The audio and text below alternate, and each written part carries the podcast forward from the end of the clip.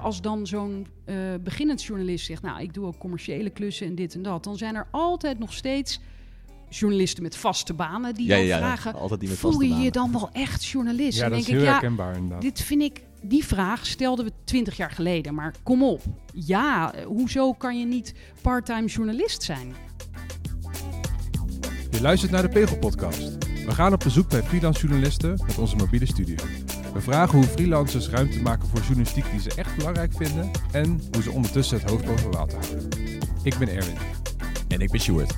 Deze keer spreken we met Frederik de Jong. Frederik maakte jarenlang radio voor de BNR en de NOS. Nu is hij podcastmaker, mediator, gespreksleider en hoofdredacteur van de Jordaankrant. Zo, Frederik, kun je vertellen waar we nu zitten?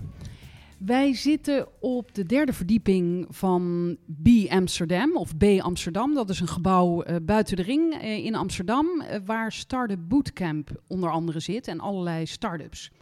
En we zitten hier op de derde verdieping, waar inderdaad die hele verdieping, we liepen er net doorheen, is eh, bezaaid met stoelen en tafels en allerlei post-its en allemaal hippe mensen. Ja. Die hier eh, ja, hun start-ups runnen. En die zijn toegelaten tot het programma van Startup Bootcamp. Dus die krijgen in drie maanden een. eh, die gaan in een soort snelkookpan eigenlijk. Die krijgen allemaal mensen op bezoek. Mensen die veel weten van het bedrijfsleven of specifiek van hun product. Om te zorgen dat die start-up eh, zo goed mogelijk gaat groeien. We Ja. zitten in het eh, kantoor van de baas. Ja, dat is grappig. Eh, Ruud Hendricks is een van de oprichters en bazen. Ja. Die is veel op reis. Dus wij mochten inderdaad even in zijn... eh, dat weet hij helemaal niet, maar bij deze. Bedankt Dan komt- Ruud. Dan komt hij achter als je de podcast Ja. luistert. Ja, dus we zitten ook nog eh, in, in de kamer van de baas. Nou, kijk eens aan. Eh, wat jij voor Startup Bootcamp doet, daar gaan we het zo even over hebben. Maar eerst even voor de luisteraars. want Normaal hebben we een, eh, een, een videostream, zodat mensen Oh ja. mee kunnen kijken waar we, waar we dan zitten. Eh, die hebben we deze keer niet, eh, want jij bent geen fan van video bij audio-opnames. Nee, nee. Ik vind... eh, ik hou niet van slechte televisie. En dat zou het hier volgens mij worden. Ik bedoel, het is een mooie kamer hoor, daar niet van. En leuk uitzicht. Maar ja, op een gegeven moment zie je gewoon drie mensen met elkaar in gesprek. Dat is best wel saai, lijkt me.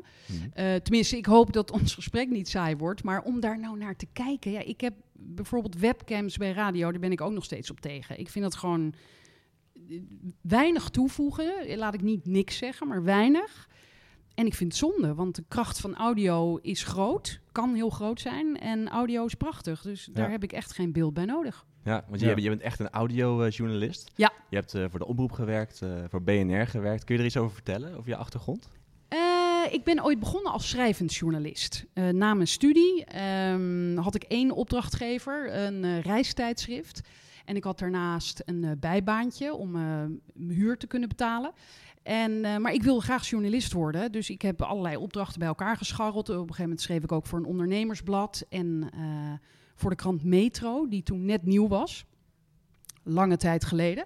Die hadden toen nog grote verhalen op de middenpagina's. En die mocht ik dan schrijven. Dat was heel leuk. Dus zo langzamerhand heb ik een, een, een klein eh, ZZP-schap ehm, gecreëerd. En toen ben ik ook bij de lokale radio gaan werken. Eerst een beetje voor de lol, maar toen bleek dat ik eigenlijk eh, praten nog beter kan dan schrijven. Kijk, en lokale radio, waar was dat? In Amsterdam. Lokale Nieuwsdienst Amsterdam heette dat, eh, van Salto. En eh, daar heb ik van alles geprobeerd. Dus ik heb nieuws gelezen vanuit een voormalige wc, dat was de studiootje. en ehm, verslaggeving heb ik daar ook gedaan. En presentatie. Ik heb ook nog een eh, sportprogramma gepresenteerd. Allerlei ja, een nieuwsprogramma, sportprogramma. En daar heb ik eigenlijk het radiovak geleerd. Daar heb ik jarenlang eh, gewerkt vrijwillig. En toen ehm, uiteindelijk kon ik terecht bij, waar was het? Ja, Finance Television. Dat was een bedrijfje dat maakte televisie op internet. Nu is dat vrij gebruikelijk, maar toen was dat helemaal nieuw. En eh, dat was beursnieuws, financieel nieuws. eh, en dat werd dan op internet geplaatst. En dat was heel eh, aandoenlijk, want het was weliswaar internet, maar het kwam op vaste tijdstippen, moest het dan on-air of online. En, lineair internet. ja, lineair internet. En daar heb ik allerlei interviews gedaan met beursanalisten. En daar presenteerde ik het beursjournaal. Dus dat was, eh, ja, was mijn, eigenlijk mijn eerste televisieervaring. Hmm. Toen ehm, had ik daar een collega die werkte bij BNR Nieuwsradio. een presentator. En die vroeg of ik een keer met hem wilde presenteren. Toen hoorde de hoofdredacteur van BNR mij. En die zei, wie is die vrouw? Die moeten wij hebben. En eh, dus dat was heel fijn. Ehm, later bleek trouwens dat ik de twijfelachtige eer had om het het langst te hebben uitgehouden met die ene presentator. Want die was vrij lastig, maar dat had ik in het begin helemaal niet door. Want ik vond het allemaal doodeng en spannend en ik was er niet heel erg mee bezig. Mhm. Toen ben ik uiteindelijk tien jaar bij BNR eh, gebleven. BNR zit eh, op het Prins Bernhardplein. Mhm. Eh, en daar is een viaduct vra- vlak voor dat plein. En daar staat in ijzeren letters: Doe iets. Doe iets. Doe iets. En daar fietste ik best wel vaak langs. En ja, het begon een beetje na een jaar of tien. nou ja, begon ik een beetje. Ik werd een beetje klagerig. Ik kreeg iedere week bij wijze van spreken een nieuwe redacteur, want de doorloop was hoog. Er was daarvoor enorm bezuinigd. Mhm. Moest weer een ander programma, dan weer dit, zus, zo. En ik hoorde mezelf af en toe een beetje klagen. En daar hou ik niet zo van. En toen keek ik weer eens een keer naar die woorden: doe iets. En opeens dacht ik: oké, doe iets. Ik moet hier weg. En toen kwam ik aan bij BNR. Er stond een collega buiten te roken. Ik zei Rob. En Rob zei: hey, hoe is het? Ik zei: Ja, goed. Ik heb net besloten dat ik wegga bij BNR. Wat? Hoezo? Ik zei, ja, nee, ja, allerlei redenen. Maar ik ben het even op jou aan het testen. Hoe valt het? Hij zei: Ja, nou, eh, ja. Nou, de rest van de dag heb ik dus bij een aantal collega's dit uitgetest. En toen dacht ik, ja, het voelt eigenlijk wel oké. Het is wel de tijd om te vertrekken. En dat is gebeurd. En toen ehm, zei iedereen, ja, dan word je meteen gebeld door Hilversum. Ja, ja. Nou, het bleef echt oorverdovend stil. Dus toen moest je zelf gaan verzinnen wat dat iets zou zijn. Precies. En het ook gaan doen. Ja, Ja. Ja, Eh, ik moet wel erbij zeggen, ik had ik, in die zin een beetje een vangnet. Ik was freelancer bij BNR, dus ik had daar geen fulltime baan. Oh, je was er niet in dienst eh, bij nee, BNR? ik ben nooit in dienst. eh, de hoofdredacteur, de toenmalige Michiel Bikkerkaarten, die heeft me meerdere keren gevraagd eh, of ik in dienst wilde. Ik zei, vertel mij nou eens één keer wat mijn voordeel is. Toen zei hij, jouw voordeel? Ik zei, ja, precies. dus dat gaan we even Dat mooi niet doen. Was je, dan, was je dan fulltime bezig bij BNR? En Nee, als nee, niet fulltime. Oké. Altijd freelance, dus een, een paar programma's per week. Of Ja. soms een tijdje één programma per week, soms twee. Ja, precies. Ja. Dat is wel grappig, want, want ik ging ervan uit, ter voorbereiding hierop, dat, Ja. dat, dat, je, dat je daar tien jaar had gezeten, dus in dienst was. Nee, Maar je bent ook niet in dienst geweest nee maar 1. ik, ik ben, nee, Nee. ehm, ik ben nooit zo happig op vaste baan. Ik ben daar niet op uit. Maar we kwamen jou op het spoor voor deze podcast, omdat we zagen jou als eh, eh, gespreksleider bij een avond over podcasts eh, van de NVA in Amsterdam. Oh, daar waren jullie ook? Ja, Daar waren wij, eh, ja, Ah, dus oké, wij zaten in de zaal, in de, inderdaad. achterin in de schaduw. eh. Ja, in- inderdaad. En toen hebben we jou opgezocht en we zagen dat jij tegenwoordig heel veel verschillende werkzaamheden verricht. Ja. Wat, Ja. eh, wat doe je allemaal nu? Nou, ik heb het zelfs, ik kijk nu even naar een papiertje naast me. Want soms, ik doe zoveel dingen dat ik soms even helemaal stilval als een eh, onbekend iemand aan me vraagt: eh, wat doe jij? Dan denk ik: oh, welk verhaal ga ik nu vertellen? Want ik ben hoofdredacteur van de Jordaankrant. Een wijkkrant dus in Amsterdam. Oplage 22.000. En eh, ik maak een podcast voor Follow the Money. Dat doe ik eh, sinds eh, eind december. En ik ben inderdaad ook gespreksleider, debatleider, moderator, hoe je het wil noemen. En ik ben ook nog mediator. En daarom ben ik hier bij Startup Bootcamp op dit moment. Want wat is een mediator? Mediator is iemand die wordt ingehuurd als een derde partij bij twee partijen die een conflict hebben en die er samen niet meer uitkomen. Mhm. Eh, dus eh, denk aan echtscheidingen of, of zaken, ruzies, arbeidsconflicten, dat soort zaken. En de eigenaren van Startup Bootcamp hebben jaren geleden bedacht... oké, wij geven de start-ups die wij hier selecteren en waarin wij investeren... geven wij van alles, eh, bieden wij van alles om ze te laten groeien. Maar daar hoort natuurlijk ook goede teambuilding bij. Dus laten we pre-mediation aanbieden. En dat ja, is een beetje, het is een vrij onbekende term, maar het is dus preventive mediation. Dus het voorkomen van conflicten. Mhm. En dat eh, is eigenlijk heel simpel. De mensen die hier in die start-ups werken, die werken echt keihard. eh, soms 24 uur per dag. En vergeten soms letterlijk even met elkaar te communiceren. En de meeste start-ups die mislukken, die mislukken niet per se omdat ze eh, geen goed product hebben of geen aansluiting bij de markt, maar vooral omdat ze onderling ruzie krijgen. Je ziet ook meer dan gemiddeld, meer dan bij andere gewone bedrijven, dat eh, een start-up wordt begonnen door vrienden die elkaar kennen, nog van de middelbare school. Of zelfs mensen die ook een liefdesrelatie hebben. Dus je kunt je voorstellen dat daar de spanningen soms extra oplopen. En hoe, ben En, je dan, eh, hoe ben je dan gaan werken als mediator? Want het is een heel ander soort Ja, beroep eigenlijk dan wat je daarvoor deed. Nou, eh, ik heb eh, in mijn ja, bestaan als journalist nog nooit gedacht van ik, ik zou een ander beroep willen hebben. Behalve toen ik dus wist dat ik wegging bij de NOS. Toen dacht ik van oké, wat, wat gaan we nu weer eens doen? En toen viel mijn oog op een advertentie van een opleiding tot mediator. Ehm, en daar, toen dacht ik opeens, oh mediator, ja, dat is ook vragen stellen, luisteren, gesprekken voeren. Hmm. Journalistieke vaardigheden. Ja, enigszins, zeker. En toen dacht ik van, oh, dat zou ik eigenlijk ook wel kunnen. En op de een of andere manier kwam dat toen... eh, ik weet niet, ik, ik, ik zag het licht. Ik zat ook eh, heel hoog, want ik zat in het vliegtuig op weg naar Italië. Dus daar, daar wijd ik het ook wel eens aan. Iets ik- makkelijker om het licht te zien. ja, precies. Een goede plek om eh, lang na te denken. Ja, en ehm, toen heb ik het meteen even uitgetest op mijn vriend. Ik zei, ik word mediator. En hij zo, wat?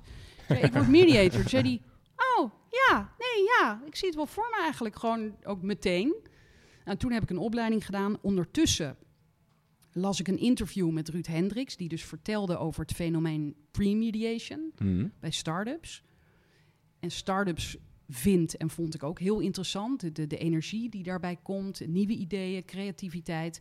Dus toen dacht ik, oh, ik zou best bij een start-up willen werken, maar dat slaat als journalist echt nergens op. Maar als mediator kan het dus wel. Dus toen heb ik hem gemaild en toen zei hij, ik verwijs je door naar mijn mediator. En eh, ik ben opgenomen in de stal. En zijn, zijn er ook eh, journalistieke start-ups toevallig? Nee, Nee? Hier niet. Oh. Nee. Nee. Eh, hier op dit moment zijn er eh, financiële start-ups, eh, smart living, eh, Internet of Things, allemaal dat soort onderwerpen. Maar geen journalistieke, nee. Jammer, pleit je daar wel voor? Of eh, is, dit, is dit gewoon Nee, een andere, die- die andere zijn- tak van sport waar je niet, tak. niet met journalistiek Ja. bezighoudt? Ja, zeker. Nee, dit is gewoon een andere hoek. Mhm. Vind, vind jij dat die, die stap die jij hebt gemaakt nu naar, naar mediator, vind jij dat een beetje, is een- misschien een beetje sturende vraag, maar vind je, maar, Fijn dat je het aankondigt. nee, maar, maar, maar vind je dat een beetje een teken van de tijd? Of, of was het meer gewoon eh, logisch in het punt waar je zelf gekomen was? Ehm, mm, allebei, denk ik. Ehm, ik moet zeggen dat ik als, als eh, radiopresentator het nog steeds heel leuk vond en vind om, om live radio te maken, gesprekken te voeren. Maar het entertainment gedeelte, dus ja, even simpel gezegd, als je twee politici interviewt, dan is er ook gewoon een soort trucje om die twee lekker te laten clashen. Dat is leuk. Mooie radio, spannende radio. Dat is allemaal heel leuk. Het is waanzinnig leuk om te doen. Het geeft ook eh, adrenaline en alles. Maar op de lange termijn vroeg ik me wel eens af: van, ja, wat voegt dit nou toe aan de wereld? Wordt de wereld hier beter van? Misschien komt het ook omdat ik ouder ben geworden of zo. Dat ik dacht van ja, wa- wa- wat, wat, waar leidt dit nou allemaal toe? Dus in die zin was het persoonlijk voor mij dat ik dacht, ik ben eigenlijk altijd, heb ik mezelf meer beschouwd als iemand die hoopt dat mensen elkaar beter leren begrijpen door een gesprek, dan dat ze nou eens flink met elkaar in de clinch raken. En ook omdat ik, eh, ja, de radiowereld is gewoon piepklein. Ik, ben, ik heb lang bij BNR gewerkt en nu ook bij de NOS. Dus op het gebied van nieuwsradio heb je dan ongeveer alles wel gehad. Ja. Dus ik dacht ook van ja, ik ga nu niet leuren in Hilversum en daar huilend op de stoep liggen. Ik kan beter iets nieuws bedenken. Ja. Dus, dus een combinatie. En eh, Mhm. dus in die zin ook een teken van de tijd dat ja, journalistiek is in veel gevallen eh, richting een eh, hobby aan het gaan. Mhm. Ik bedoel, dat geldt voor meer, meerdere mensen. Een hobby Mhm. gedreven door idealisme. Maar hobby in de zin dat je er niet voldoende geld meer mee verdient. Zo, ja. Of geen baan meer in vindt. Ja, Ja. ja. ja. En eh, het werk wat je hier doet, kun je daar goed van leven? Nee. nou, dat, ik zeg nu nee, maar dat komt. Ik doe dit af en toe. Hè. Ze hebben hier dus programma's van drie maanden. Ik kom twee keer gedurende die periode kom ik langs voor een paar gesprekken. Dus dit is zeker niet mijn eh, hoofdinkomstenbron. Ja, want waar leef je dan van? Ik leid debatten Mhm. en gesprekken van klein tot groot. Eh, kleine groepen mensen van, eh, weet ik veel, 20 man, maar ook zalen van 600 man. Eh, en daar eh, is wel geld mee te verdienen. En eh, ja, zo- zoals ik net al zei, we kwamen je tegen op een eh, avond over podcasts. Je maakt zelf ook podcasts, onder andere voor Follow the Money. Kun je daar wat meer over vertellen? Ja, Nou, Follow the Money, daar ben ik al heel lang fan van. Eh, ik ben ook al langer geïnteresseerd en dat komt, bedenk ik me nu, omdat ik lang het programma Mediazaken op BNR heb gepresenteerd. Dus een beetje een metaprogramma over de media, over de Ja, journalistiek. en je had een column voor File Media. Ook dat, ja. Ja. En ehm, ik ben dus ge- gefascineerd door hoe moet het verder met de journalistiek? Hoe overleven mensen, net zoals jullie eigenlijk? Hoe doe je dat? Wat zijn de nieuwe businessmodellen? Ja. Nou, Follow the Money kwam een aantal jaar geleden op en die waren enorm aan het buffelen, nog steeds wel. Maar toen hadden ze, eh, uiteindelijk zijn ze overgegaan naar een ledenmodel. Ehm, en ze maken mooie verhalen, doorvrochte, lange, be- soms best wel ingewikkelde verhalen. En ik had al vaker het idee, als ik die verhalen las, van ja, ik, ik voel de urgentie. Ik, ik lees wel dat het allemaal ernstig is, maar hoe ernstig is dit nou eigenlijk? Want ik ben niet, niet heel erg financieel onderlegd. Ik denk van ja, is dit nou erg? Moeten we alarm slaan? Of, eh, En op vakantie las ik een verhaal voor aan een vriendin van mij. Ik zei, moet je nou weer eens horen wat ik nu weer lees bij Follow the Money? En zij lag op de bank en ik las dat hele verhaal voor. En toen zei zij van, oh, dat is echt wel relaxed. Dit zou ik wel vaker willen. En die twee ideeën heb ik gecombineerd. Van, ik wil graag vragen kunnen stellen aan de redacteur. Mhm. En ik kan het ook voorlezen. Voor mensen die zelf geen tijd hebben. Dus die twee ideeën heb ik gecombineerd. En daar is dit eh, concept eigenlijk uitgekomen van die podcast. Dus, dus ik lees het hele verhaal voor. En ondertussen zit de redacteur naast mij. En daar kan ik dan vragen aan stellen van hoe zit dit nou? En hoe kan dat nou? En, Ja, ik, vond het zelf, ik vind het zelf een hele prettige podcast om naar te luisteren. oh, ook, je hebt hem gehoord. Ja, ja nou, het is omdat, omdat ehm, je hebt dan heel vaak met Follow the Money, dan zie ik inderdaad een verhaal voorbij komen en dan denk ik van, ja, dit is belangrijk en dit, dit Maar moet- nu even niet. Dit moet ik, ja. ja, het is, dit moet ik lezen, Ja, want dit moet ik weten en dit zijn mensen, journalisten die heel veel werk in hebben zitten. ja, Maar je gaat, bent toch eerder geneigd om tijdens het afwassen dan naar zo'n podcast te luisteren, waarin je ook het hele verhaal meekrijgt, dan om daar helemaal voor te gaan zitten. Ja. Want je moet er echt voor gaan zitten. Nou, ik hoop Ja. dus dat dit het effect is. Dit, dit is ook de reden waarom ik het doe. Want ik dacht, ik vind het zo jammer dat eh, relatief weinig mensen dit lezen. Ze hebben nu 6000 leden, misschien inmiddels alweer wat meer. Dus het gaat redelijk goed. Maar eh, die verhalen moeten veel meer mensen bereiken, vind ik. Mhm. En, en als je dan iets breder kijken naar, naar podcasts, want, want jij krijgt betaald natuurlijk om die podcast te maken voor Follow the Money, Nee, of niet? nog niet. Niet? Nee, Nog ik, heb, ik heb dit eerst Wat aangeboden grappig. als een soort eh, moderne Robin Hood. Mhm. Kijk, eh, omdat ik zoveel verschillende dingen doe, verdien ik ook op andere plekken mijn geld. En ik ja. ga niet naar Follow the Money om daar hun money weg te halen. Mhm. niet in eerste instantie. Kijk, Nee, ik heb nu gezegd, oké jongens, tot 1 april eh, doe ik dit voor niks. Grapje, zeker. Precies. En daarna eh, moeten we wel even iets af gaan spreken. Maar dat, dat zal een bodemprijs worden. Want ja, Mhm. zo zit het nou eenmaal nu in de journalistiek. Ja. Tenzij je natuurlijk een baan bij een krant of weet ik veel wat kunt krijgen. Maar ja, in mijn ogen hoe, hoe- moet je daar niet meer eh, op afgaan voor het geld. Of voor je inkomen, laat ik het zo zeggen. Ja, dan kan, kan ik dan stellen dat je dat soort journalistieke klussen financiert met ehm gespreksleidersklussen. ja, dat bedoel ik een beetje met de Robin Hood. Dat ik het bij de een weghaal en dan Ah, aan de ander. manier, Zo, ja. zo Ja. beschouw ik dat nu Ja. een beetje. Ja. Ja. Oh, Laat die opdrachtgevers het niet horen, alhoewel. Ja. Ja, misschien vinden zij het ook wel goed. Ja, nou, wel interessant, want ik denk dat heel veel, heel veel ehm, mensen die die podcast luisteren dan vanuit gaan van, oh, zij heeft daar en daar gewerkt, dus die zal wel wat krijgen voor die Ja, en omdat ik natuurlijk heb BNR, NOS, dus die, die sleept daar eh, de helft van het budget. eh, Nee, nee, Ja. nee. Nou, dat dacht ik dan ook weer niet, maar nou, je weet niet hoe klein hun budget is. ja. ik, ik ga ervan uit dat het niet heel, niet heel veel is. Maar goed, zie jij, eh, want tijdens de podcastavond, waar, waar wij dus ook bij waren, op een gegeven moment ehm, ontstond een beetje de, de, de sfeer van leuk allemaal, maar hoe kan, je, hoe kan je daar je broek mee ophouden? En ik vraag me af, heb jij daar een idee over? Ehm, nou, die avond kwam ook het voorbeeld van Man met de microfoon naar Ja, voren. De ja. enige podcaster in Nederland, tenminste tenzij ik achterloop, die een sponsor heeft. Ja. Dat gebeurt in Amerika natuurlijk veel meer. Dus Mhm. in die zin, wij lopen altijd een beetje achter. Op Amerika kan het, denk ik, zeker wel die kant op gaan. Maar dat, het, het heeft een hele lange adem. En... ehm, dus heb ik daar een idee van? Ja, je kunt een sponsor zoeken. Ik geloof er wel in, zoals die vent, die werd toen ook genoemd, ik weet zijn naam even niet, die eh, zegt van één eh, luisteraar in een podcast is, staat voor, wat was het, 10.000 luisteraars bij de gewone radio in aandachtspannen. Dus ja, dat is een onderzoek naar geweest. ja, inderdaad. precies. Dus Ja. eh, voor adverteerders kan dat gunstig zijn. Van Ja, er luisteren relatief weinig mensen, maar die zijn allemaal wel heel aandachtig aan het luisteren. Ik bedoel, ik spoel zelfs soms wel eens een podcast terug. Dat ik echt denk, nee, wacht even, ik hoor het niet goed. Nou ja, dat doe je bij de gewone radio niet. Dus eh, daar geloof ik wel in dat uiteindelijk adverteerders daar wel meer op zullen aanslaan.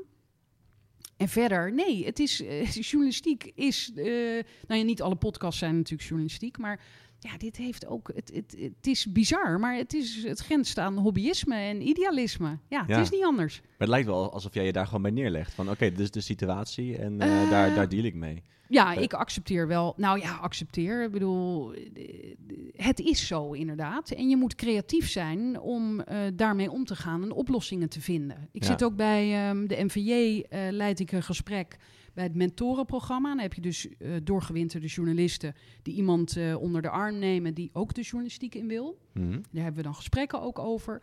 En iedere keer als dan zo'n eh, beginnend journalist zegt... nou, ik doe ook commerciële klussen en dit en dat... dan zijn er altijd nog steeds journalisten met vaste banen... die Ja, dan ja, ja, vragen, altijd die met voel vaste je je dan wel echt journalist? Ja, en dat denk is heel ik, ja, herkenbaar inderdaad. dit vind ik... Die vraag stelden we twintig jaar geleden, maar kom op. Ja, hoezo kan je niet parttime journalist zijn? Ja, Het is een, wat ik al een paar keer zeg, het is ook idealisme. Hoezo kan dat alleen maar fulltime? Ja, en hallo, je zal er maar geen baan mee kunnen vinden. ja.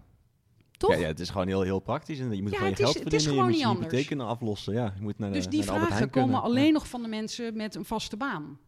Die zijn wel aan het uitsterven, denk ik. Ja, ja, dat denk ik ook. En denk je dat je met alleen journalistiek eh, nog wel je geld kan verdienen als je het creatief aanpakt als freelancer? Ja, dat, dat lijkt me wel. Dat lijkt me wel. Ik denk wel dat het pas kan als je een aantal jaar bezig bent. Want dan heb je eh, hopelijk meerdere vaste opdrachtgevers. Dan word je iets bekender. Of bijvoorbeeld als je je eh, specialiseert op één onderwerp. Dan kan je daar uiteindelijk dat zodanig uitbouwen dat je daar voldoende. Maar ja, wat is voldoende? Hè? Ik bedoel, echt rijk zou je nooit worden, maar Nee. gewoon een, weet ik veel, je huur en Nee, wat voldoende is, verschilt ook per persoon. ja, eh, precies. Ja. Ja, want even voor de goede orde, ik, eh, dat is ook nog zo. Ik, ik ben geen enorme big spender.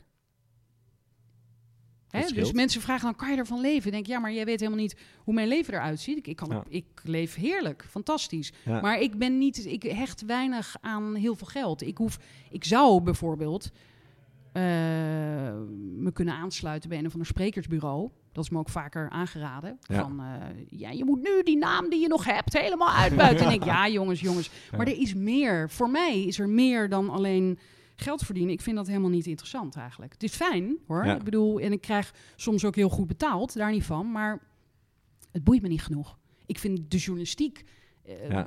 op zich belangrijker. Even los van geld dus. Ja, ja. Ja, dus ja, ik leg me daarbij neer. Eh, eh, het is niet anders. Mhm. Je hebt nu het eh, Robin Hood model, laat het zo noemen. Ja, Ehm, maar dat is tijdelijk, want dat is, Ja. moet natuurlijk niet te dol worden. Ja, nee, maar Het dat is wel ook geen vraag. advies aan andere freelancers hoor, om eh, het Robin Hood Nou model... ja, het, eh, is wel, het, het, het, het sluit wel aan bij het hele doe iets Ja. verhaal. Ja, Want, en- want omdat je dit bent gaan doen, ontmoet je weer mensen en ben je, ben je bezig met podcast. Als je gaat wachten totdat je een keer betaald krijgt of zo, nou dan, ja, en ik wat, ben... wat gebeurt er dan? Dan gebeurt helemaal niks. Nee, en Dus is misschien leuk. is een voordeel. Ik ben altijd al freelancer geweest. Ik wilde dat zelf zijn. Ik Ja. heb er altijd zelf voor gekozen. Behalve dan bij de NOS, daar moest ik dan in dienst. Dat kon niet anders. Maar ik kan me voorstellen dat mensen die jarenlang een baan hebben gehad bij een krant of, of een eh, radioprogramma of wat dan ook. eh, Voor die mensen is het veel moeilijker om om te schakelen. Het moet ook in je karakter zitten. Je moet het ook durven. Je moet niet allerlei verplichtingen hebben. Kinderen, hypotheken, dure auto's, dat soort zaken. Eh, Daar hangt het allemaal mee samen. Maar wat ik jou voordat we begonnen hoorde vertellen van iemand eh, die eh, zich laat omscholen, maar nog wel allerlei plannen heeft voor goede verhalen, dan hoop ik dat diegene denkt: oké, dan doe ik dat maar in het weekend. Want die verhalen zijn zo belangrijk, die moeten verteld worden. En ja, het is jammer dat je dat niet kunt doen in vaste dienst voor diegene, want die wil dat kennelijk het liefst.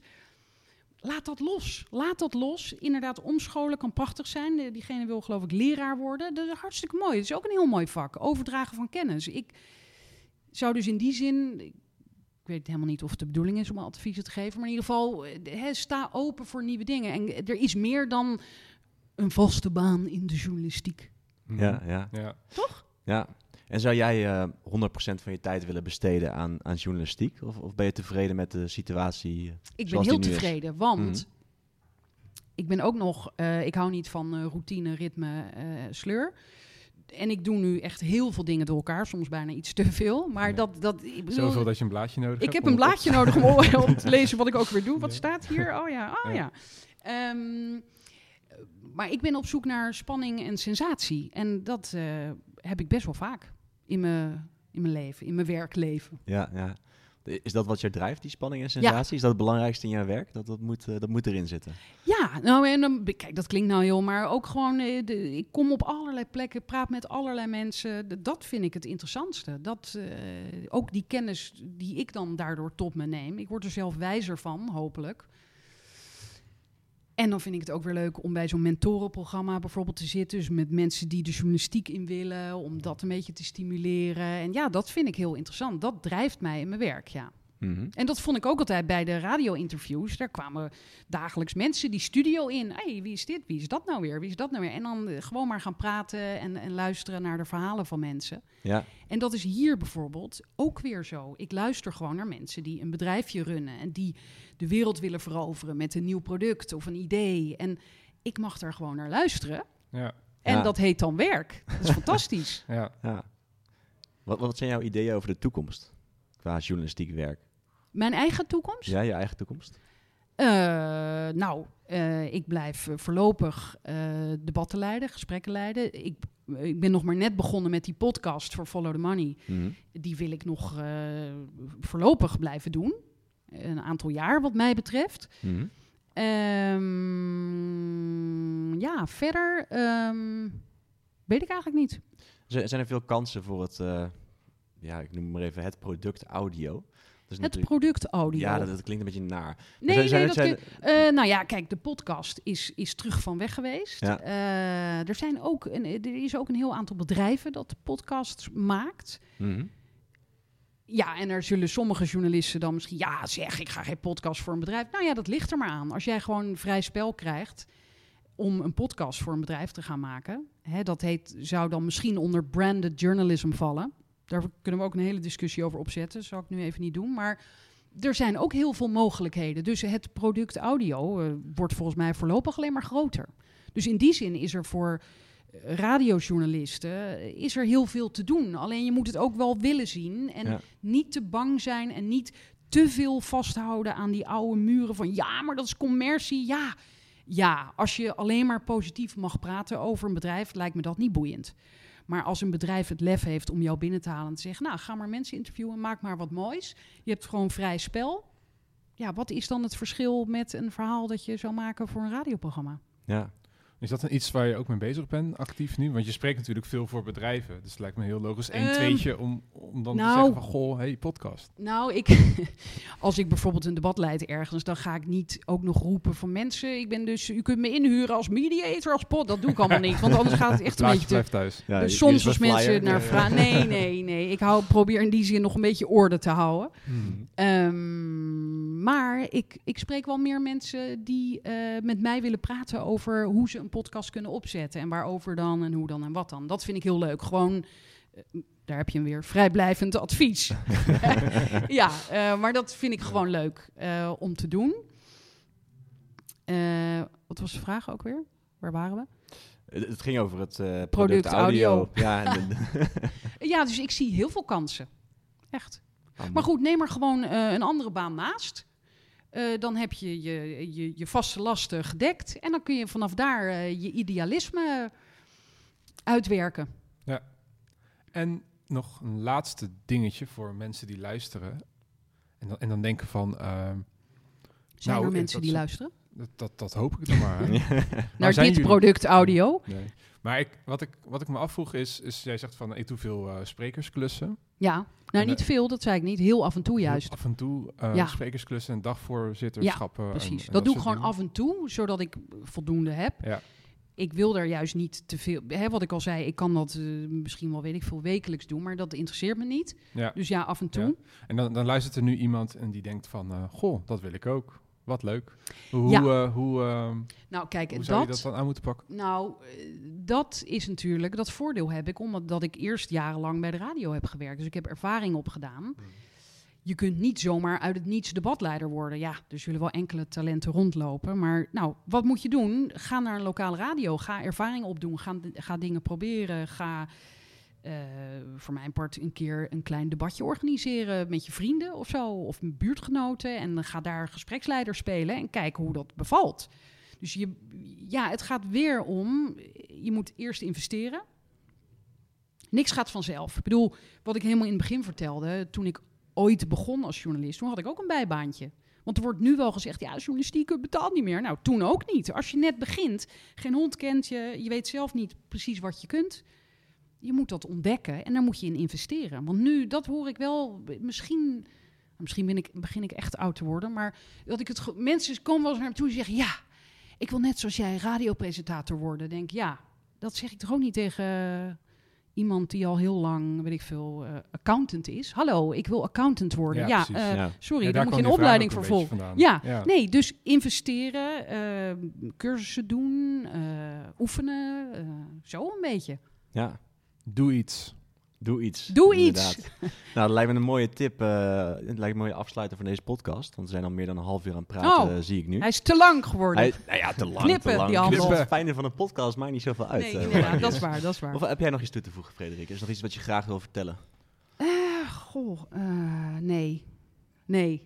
Nou ja, vast wel, maar laten we het, laten we het afronden. Is goed, laten we het hierbij houden. Nou, hartstikke bedankt dat we langs mochten komen Ja, bij. Start Bootcamp eh, in Amsterdam.